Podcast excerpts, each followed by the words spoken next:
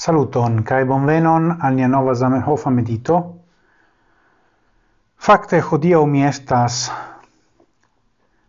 ordiganta la mm, medito in la video in della unua sezono per YouTube tiel che gi espereble atingos pli grandan publikon. Kai ankaŭ mi verkis articoleton sur eh, uh, medium.com eh, uh, por eh, uh, mal pesiki mian coron pro amareta horo kiun mi travivas rilate alla medito serio do vi povas vidi la ligon sube.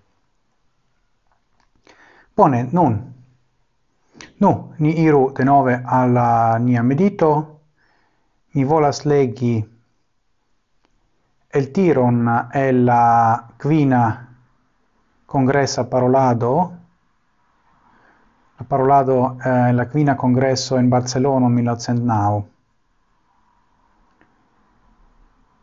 Zamenhof diras ie pagio 391 En la gisnuna e congresso mi havis ion por diri al vi. Tial, Ce la malfermo de la congresso mi parolis longe. Hodio mi havas nenion gravan por diri. Tial mi parolos mal longe. Viscias, kia estas nia celo. Viscias, kia estas la sola vojo per kiu ni povas atingi tiun celon. Ni marshu, do antauen diligente kai harmonie. Se ni demandos nin kion ni faris en la jus finiginta intercongressa iaro, ni povos demandi, ni povos respondi, pardono, ni sane vivis, ni crescis, ni fortigis en civi rilatoi. Cian grandan signifon tio havas Tion povas compreni nur tiui, kiuj comprenas la tutan gravetson cae malfacilecon de nia fero, cae kiui mem laboris por gi. Eble nun tempe ĉi tiuj vortoj estas tre actualai, char declari che nisane vivis iam valoras multe. Mi pensas che ciui el ni trapassis malfacilan tempon in 2000 dudec, la unua iaro de la covim poco kai au recte au nerecte. Ni ciui estas tusitai de sam problemoi. kai do,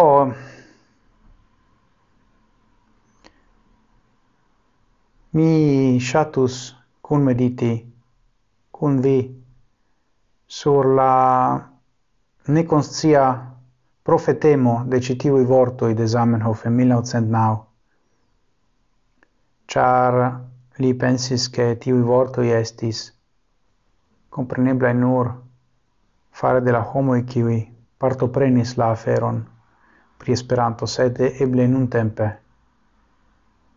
tiui vortoi esas compreneblai fare de ciui sendepende de Esperanto. Do, dankon pro via atento.